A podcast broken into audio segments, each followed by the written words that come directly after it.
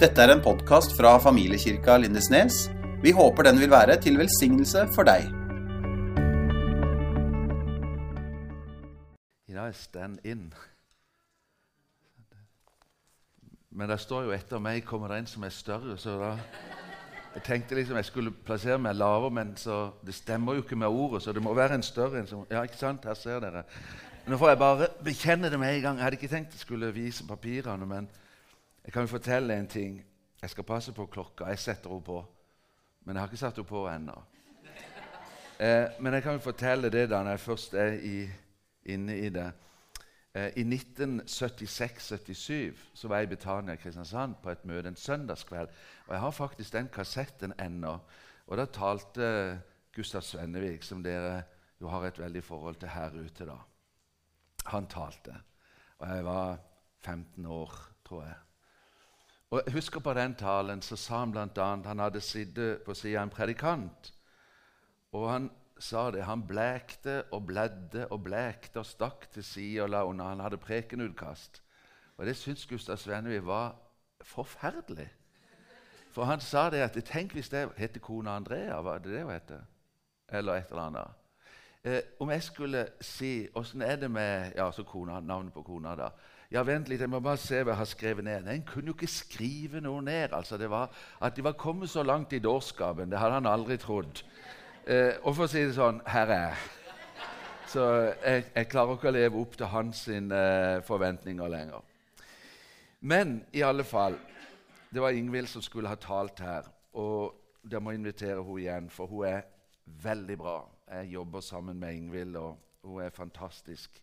Hun er fra Lyngdal. Vokste opp på Kvås eh, og flytta til Åseral. Hun ble frelst. Eh, hun har vært kristen i, i, i, i oppvekst, vært i bedehuset i Lyngdal og det miljøet der. Og, og så kom hun i opprør, og, og masse ting skjedde. Hun kom vekk fra troen sin. Og så var det eh, Vi skulle ha fellesmøte der oppe med, sammen med Knut Svein Dale. Dere kjenner sikkert det navnet her ute. Han og meg vi skulle ha fellesmøter i Åseral. Og så skulle vi ha et sånt sangmøte eh, på lørdagskvelden. og så, så husker jeg, så visste jeg at hun sang, og så, så ringte jeg til henne og spurte om hun ville være med og synge en sang. Og så tenkte hun ja, men jeg ikke, definerer meg jo ikke som kristen. Eh, så ja, men kan du ikke synge en sang allikevel, sa jeg. Vi eh, spurte om det. Så hun kom, og så var hun med og sang en sang. Og så var det noe som traff hjertet hennes. Så hun kom igjen på et møte etterpå. Vi var i ballhallen og hadde møte da. Og da nådde noe hennes hjerte. Så skjedde det at hun gikk i bilen, hun og mannen. Han hadde aldri vært på et møte før. Uh, hun hadde det jo i oppveksten. Så kjørte de hjem, men når hun hadde kommet hjem, så sa hun jeg må tilbake igjen. Og Så kom hun tilbake igjen, inn i hallen. Vi holdt på å pakke og rydde ut.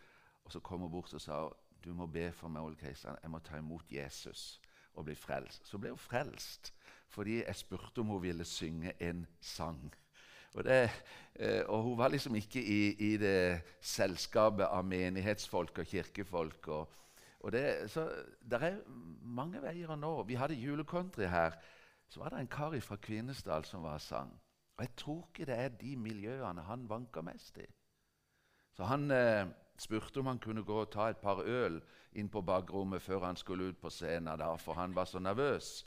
Så sa han som leder der nei, sa han, dette er alkoholfritt. Ja, jeg, jeg er så himla nervøs. Han var fra Kvinesdal. Og så sang han.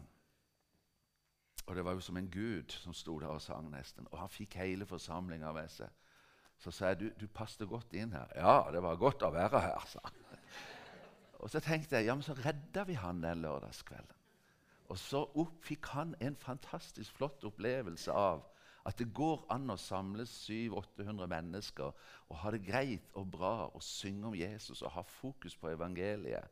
Og så er det kanskje begynt en prosess i han. Så, sånn er det. Guds veier er mangfoldige. Men Ingvild hun ble frelst og møtte Jesus og er med i menigheten der. Hun er veldig dyktig, så, så dere må bare spørre henne igjen. for hun har godt av å se at det er litt ut forbi Åseral òg. For det kan jo fort bli at vi blir veldig små og tror at Gud er født der oppe. Men, eh, men Jesus er her nede òg.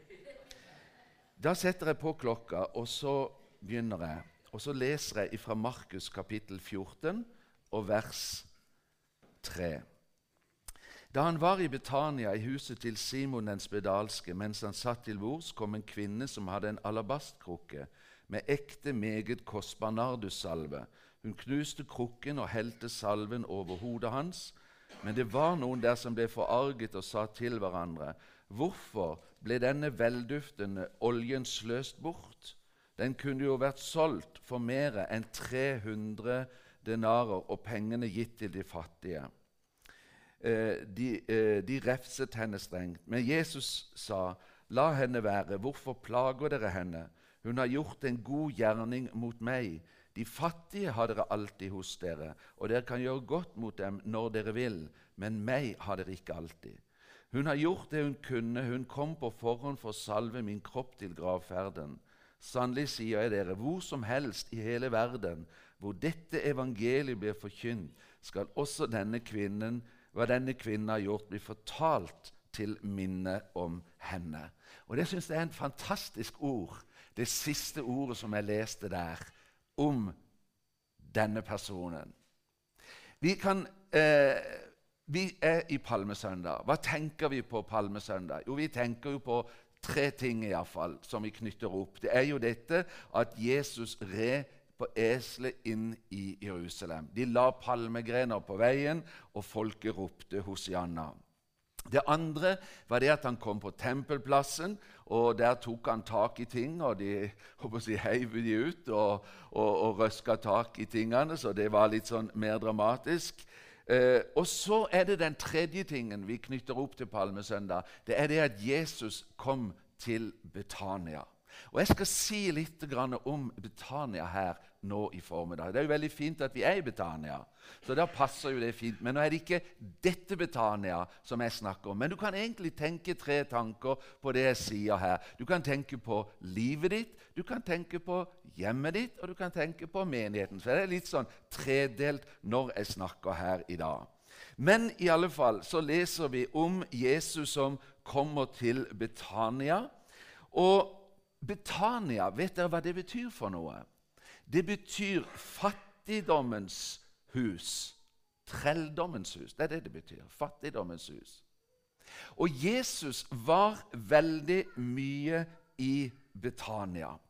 Eh, Betania, hvor ligger det henne? Hvis du har vært i Israel, så har du et bilde av det. Om ikke du har vært, så vet du iallfall hvor Jerusalem ligger. Og så kan du gå opp på Oljeberget og så litt øst for Oljeberget, ca. 3 km, det er ikke lengre avstand fra Jerusalem, så kommer du til Betania, som ligger litt øst på Oljeberget, og så er det utsikt over Jordandalen. Der var byen Betania.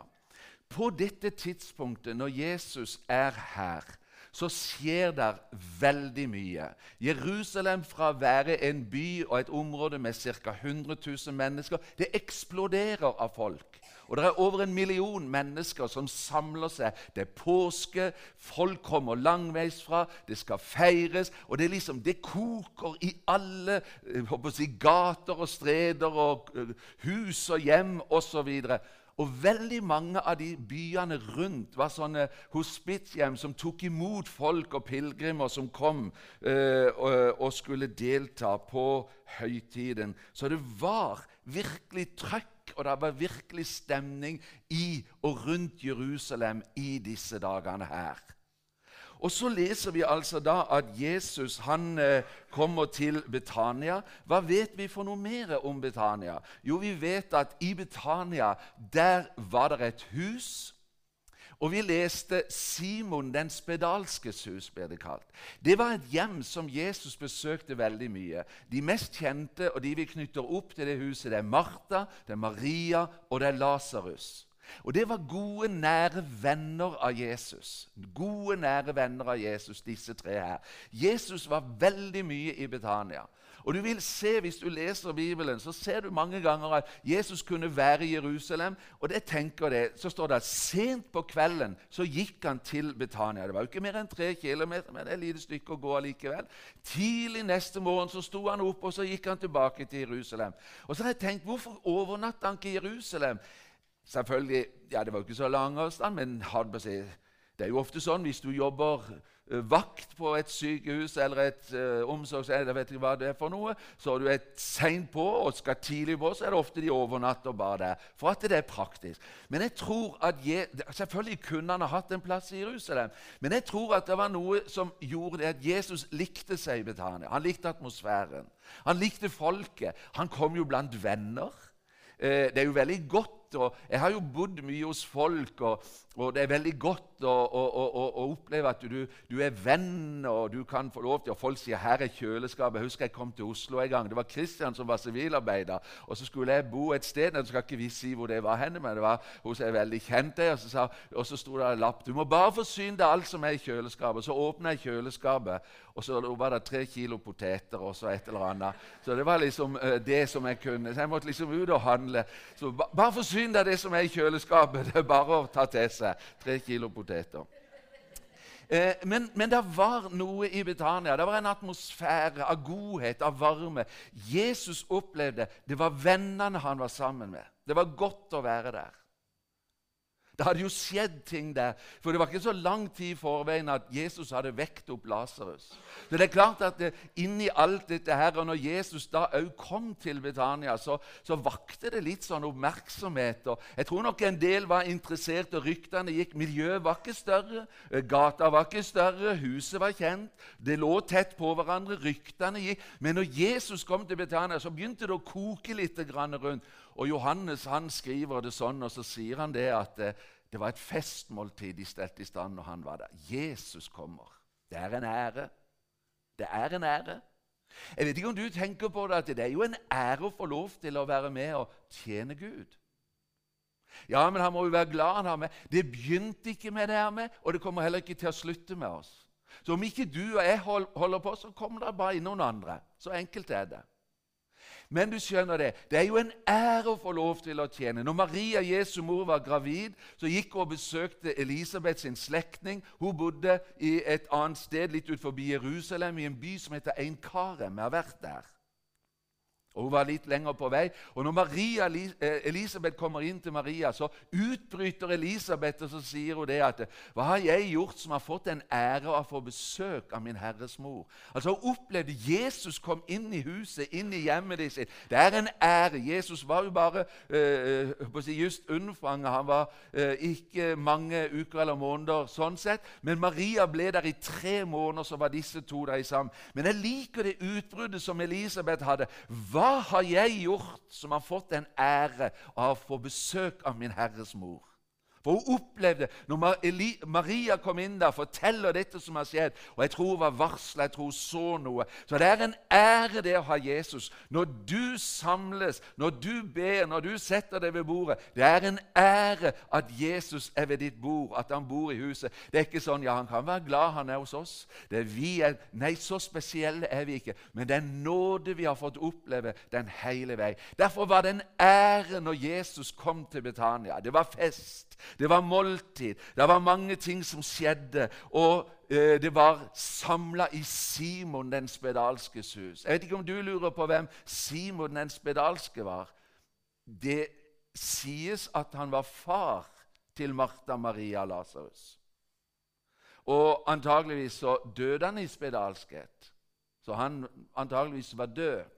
Så det, Derfor så kalles det for Simon den spedalskes hus. Kan jo være greit å ha litt sånn i, i uh, bakhodet der. Men i alle fall, der inne i det huset, når Jesus kom der, så var det en spenning. Det var en forventning. Det var som du kjente liksom trykk og lufta var der. Og det var jo dagen før de skulle gå over i en sånn de usyrede brøds høytid, som påska kalles. Og Det betyr at de da skulle spise brød som ikke var gjæra og ikke hadde mel og vann. Og det var steinhardt, og du klarer det. Og si, ja, vi klarer det én dag, men jeg vet ikke om vi begynner å gå på nummer to og tre. Her skulle de holde på i åtte dager. Det var dagen før dagen. Og det var liksom nystekt brød, og det bare lukta liksom over hele huset, over Betania. Det var dagen før dagen. Det var liksom en feiring. Det var en forventning. Det var et eller annet der som, som bare brakte hele folket sammen på en helt enestående måte. Hva gjorde de der i Simon den spedalske sud? Jo da, de sang. De priste Gud. De sang lovsanger, og de uh, hylla Han, og de sang om håpet, om tro troen, om framtida.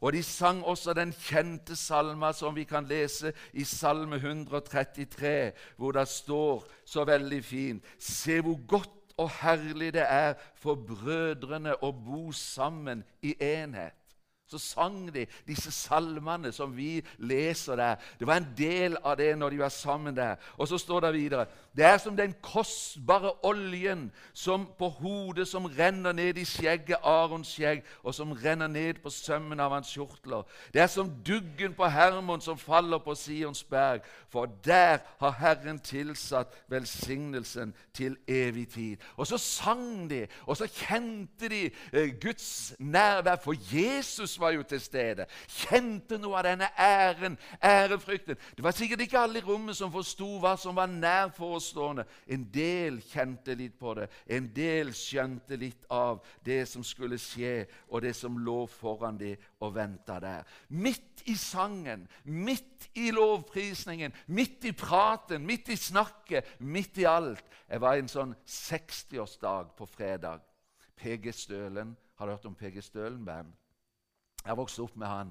Eh, han var sånn, så Vi var i 60-årsdag til PG Stølen på Mosby bedehus.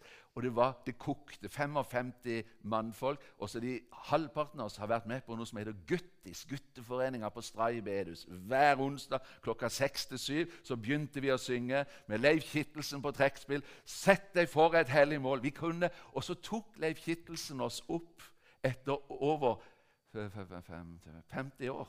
Ja, 50 år. Og vi fylte plattforma. 20 stykker, tenker jeg. 25 stykker. Og så sa han nå skal vi synge den sangen vi sang på Guttis. Og Noen hadde jo ikke vært med på dette, og så satt det som spikeren. Sett deg for et hellig mål, åpent er bekjent. Stå i rekken fast som stål og kjemp som Daniels menn. Våg å stå. I syv år hver onsdag så sang vi den. Det er klart det sitter. Ja, Eller tikke, tikke, ta. Altså, Det sitter noe der. Og så kjente du liksom inne i, i festen der til PG Stølen og det, det var liksom, det kokte, og folk prata, og det var nesten vondt å høre hva folk sa for noe. Jeg tror det var litt av dette i Simon den spedalske sus. Folket var der. Det var noe som eh, en prat, en samfunn, et fellesskap. Og det er jo sånn det er å komme sammen. Da sitter vi jo ikke der forknyttet og sammenkrøpla, og det er liksom sånn.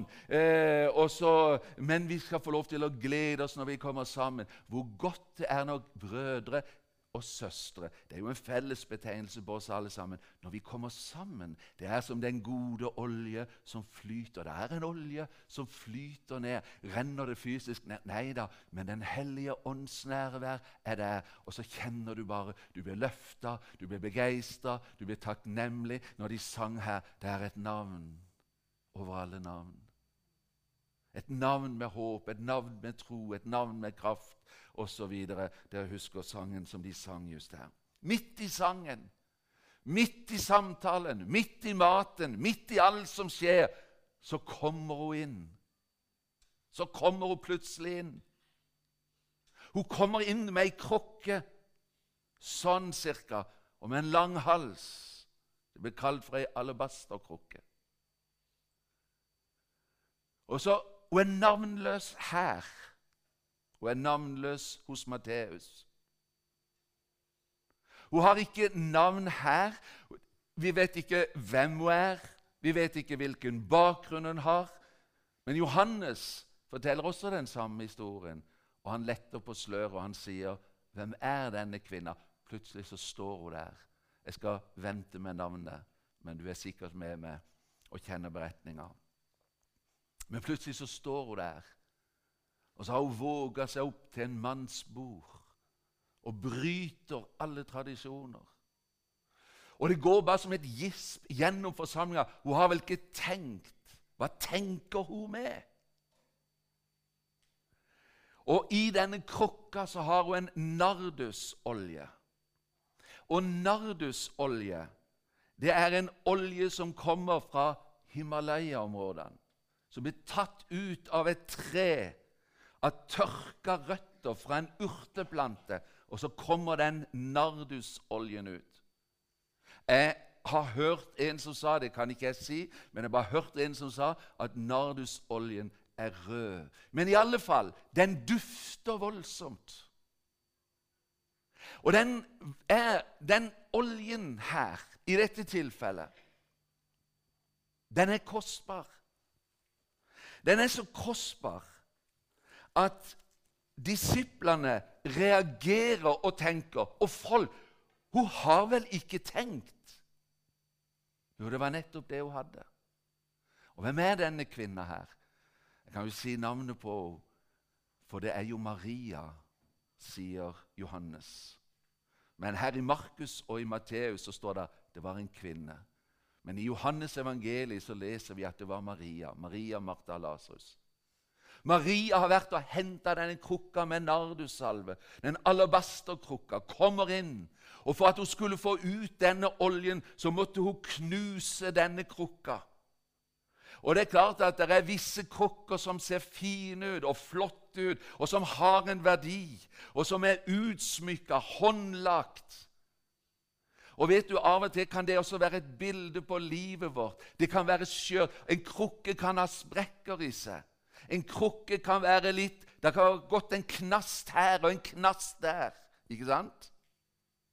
Det kan være en krukke ser litt sånn uh, herja med. Men det er noe i, og det er innholdet. Og vet du hva? Når jeg tenker på denne alabasterkrukken, så tenker jeg på ditt og mitt liv. Jo visst kan det ha vært gått en knast av og til der. Den ser litt slitt ut i den kanten. Jo visst har vi vært igjennom det. Jo visst har vi kjent på det. Jo visst kan det se litt sånn mm, Vet ikke helt.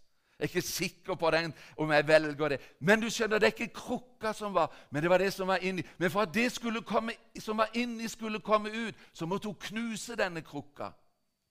Og På samme måte var det den dagen du og jeg tok imot Jesus. Så var det på en måte noe som ble knust i vårt hjerte, i vårt liv.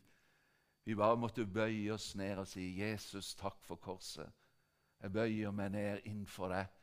Jeg tar imot din nåde. Jeg tar imot din kraft. Jeg satt på Rikshospitalet i mange måneder. I Rikshospitalet, i gata der, i, i Glassgata, som det heter, der er det et kapell. Nesten hver kveld, så ofte som jeg kunne klare å makte det, så gikk jeg ned i kapellet og jeg satt på en gjærstol. Dere vet de gjærstolene? Der satt jeg på en gjærstol, og så tente jeg et lys. Jeg tenkte, jeg har aldri gjort det, jeg håper ingen frivenner ser meg tenner lys her. Men det var bare, jeg måtte bare gjøre det. Så tenkte jeg liksom, Det er noe katolsk sånn. Men for meg var det bare sånn der og da. Jeg var aleine, så jeg tente lys. Og nå sa jeg det, jeg hadde jo ikke tenkt å akkurat røpe det, da. men... Og så satt jeg der er blitt litt sånn tørr. Eh, så satt jeg der, og så så jeg sånn et bilde på veggen. Et kors. Og så kjente jeg Nåde strømmer fra korset ned. Jeg satt der i en halvtime og bare kikka på korset. Så lot jeg noe musikk. En gang jeg kom inn der, så kom det inn en, så satte han seg med pianoet der inne, og så spilte han 'Salige visshet'. Jesus er min. Og Så var det han og meg som satt der. Klokka halv elleve på kvelden så satt han, Det var alltid åpent hele døgnet, det kapellet. kunne gå tid som helst du ville. Så satt jeg der og lytta, og så sang han 'Han er min glede, han er min sang'. 'Han skal jeg prise livsdagen lang'. Krukka var skrøpelig, men så opplevde jeg at en dag så ble den knust, og så fikk jeg et nytt liv. Jesus så heller ikke så veldig ut for mennesker, men når han ga livet sitt, så ble det til liv og velsignelse for mennesker. Maria hun kommer inn der Hva kosta denne nardussalva? Jo, den kosta en dagslønn. Den kosta 300 denarer. I, for oss i dag ville det ha vært en årslønn. Jeg vet ikke hva dyr parafyme du kjøper. Det kan godt være noen som har en dyr parafyme. Jeg vet ikke om du kjøper en parafyme til en årslønn tilsvarende din årslønn. Det er jo ganske mye. Her var det ikke en dagslønn, eh, en månedslønn, men det var en verdi av en årslønn denne olja representerte. Og det er klart at de tenkte ja, men akkurat sånn, vi, vi kan jo gi det til Ukraina. De trenger det. Vi kan gi det til de fattige, tenkte Judas. Vi kan gi det til noen som trenger det. Og Jesus visste jo hva som rørte seg i Judas, for han vet jo alt. Så visste han det at eh, de fattige har det alltid. Og det er iallfall sikkert. De fattige har det alltid hos deg. Meg er det ikke alltid. Det hun har gjort, har hun gjort i en større hensikt, og med en større hensikt. Og så tok Maria og åpna denne oljekrukka, knuste denne alabasterkrukka, og så helte hun den over Jesus. Og så renner oljen ned over hodet hans sitt, ned på kragen, skuldrene, ned på hendene, ned på føttene, ned igjennom. Og vet du hva for noe? Når en sånn seremoni ble foretatt på den tida, så gjaldt det to ting. Det var enten en prest som skulle innvies til tjeneste. Da salva de. Eller det var en som skulle bli konge. Da salva de. Du husker situasjonen om Samuel som salva David til konge? Og så helte han olje over David.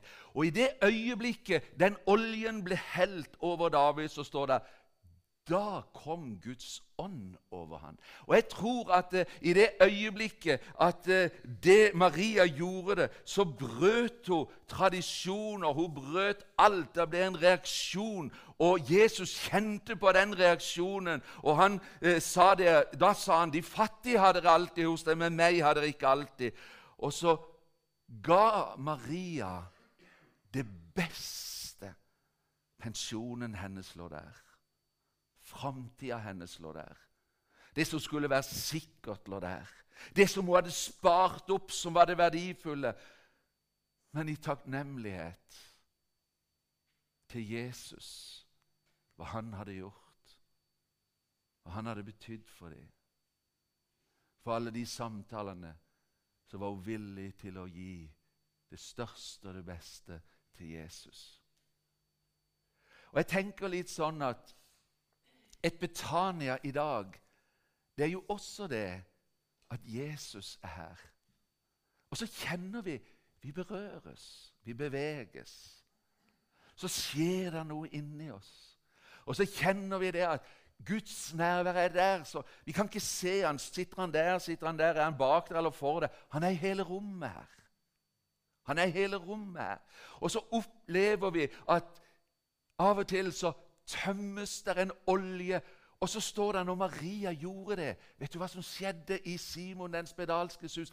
Hele rommet ble fylt av duften. Hele rommet ble fylt av duften. For du skjønner det, i Betania der flyter der en olje. I Betania elsker de fellesskapet med Jesus. I Betania så kjenner de takknemlighet. I Betania så opplever de Å,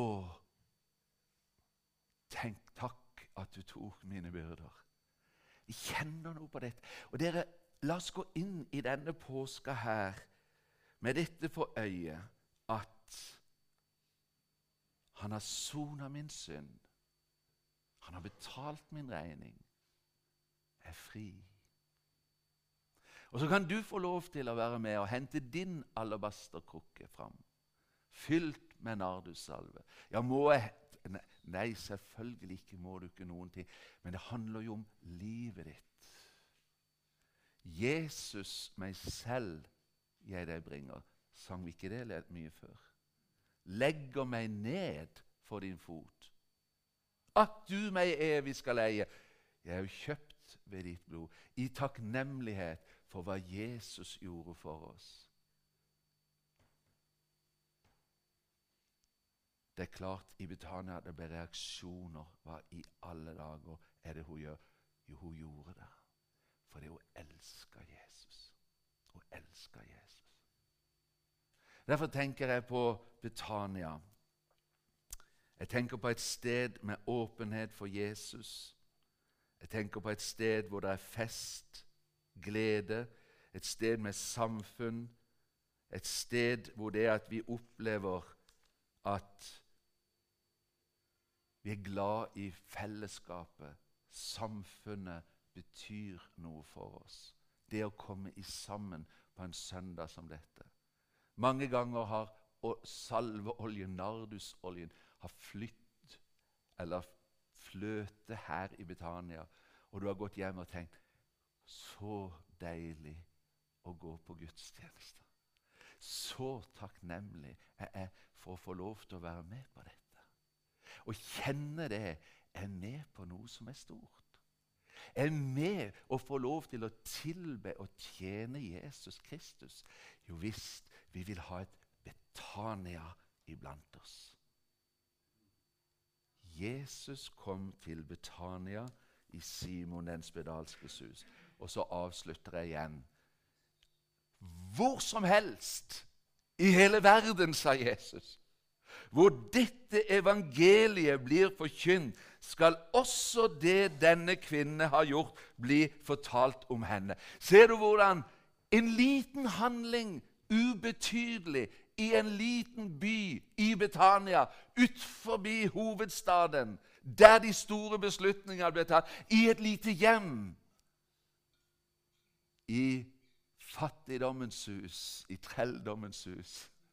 Der trivdes Jesus med de fattige. Salig er de fattige i ånden for himmelens rike er deres. De som ser, ikke sitter her ja, det er vi som kan det, det er vi som vet det. Nei, Jesus elsker å være sammen med dem. Han hadde nok av de der øverste prestene og de skriftlærde. tenkte jeg må komme vekk der. Ja, men Jesus, det er jo tidlig i morgen, skal vi jo møte dem på nytt igjen. Jeg skal til Betania. Jeg vil være i fattigdommens hus. Jeg vil være der i, fattig, i de fattiges hus. Jeg vil inn blant mine venner. Jeg vil være der hvor de som elsker meg, som kjenner det, de er takknemlige. De vil jeg være med. Og så opplevde de det de gjorde, og så sa han hvor som helst. Tenk det. Så løfter han denne opp, kvinnen opp og sier han, overalt i hele verden så skal det hun har gjort Tror du hun tenkte sånn? Nå kommer de til å prate om meg i 2000 år. Ante ikke rekkevidden av det. Ante ikke rekkevidden av det. Du skjønner, Det du gjør for Jesus, kommer du aldri til å ane rekkevidden av. Du vil først se det kanskje langt, langt der framme, eller de vil vente deg i på lønningsdagen for den delens skyld. For vi ofte tenker ja, hva kan jeg få igjen, og så kalkulerer vi. Altså, vi ser, hvis det er sånn og sånn. Nei da, det er noe med det å så. Tenk når vi drev med søndagsskolen her. Det er jo såmannsarbeid som kommer til å bli en høst av. Men vi bare fortsetter å så. Vi sår inn i nye generasjoner, for vi vet det blir en høst. Og så blir det hvor som helst i verden hvor evangeliet blir forkynt, så skal det de gjorde på Betania denne palmesøndagen, forkynnes for mennesker over hele verden. Kanskje For kanskje en av de som står her, kanskje blir en misjonær. Kanskje det er en kommende statsminister. Ja, ja men det kan jo være det. Som sier det. Jeg gikk på søndagsskole på Betania. Eh, en av de som sang på julekonteret, der kjenner han. Han har gått på junior her, på ungdomsmøter her. Prata litt med han. Jo, jeg har gått på Betania, sa han. Hvor som helst dette evangeliet blir forkynt. Eller, eller, når det blir forkynt, så skal det fortelles ut. Nå sto ikke han og sa det på plattforma, men jeg snakka med han. Altså, det bringes videre. Det kan se lite ut. Ja, ungdomsmøter, mye bråk, ut og inn, mye chips. Ja, vi går og feier, irriterer oss. De tar opp søppel. Ja, Men da skal jeg heller plukke søppel. Og da skal jeg heller feie. Mye heller det. For at noen skal få lov til å høre om Jesus og kunne si 'Vi gikk på Betania.' 'Ja, jeg har vært på Betania', sa han. Og dere vet hvem han er. Han er veldig god til å synge. Og han er fra Lyngdal. Og så vet dere resten sjøl. Gud velsigne dere. Amen.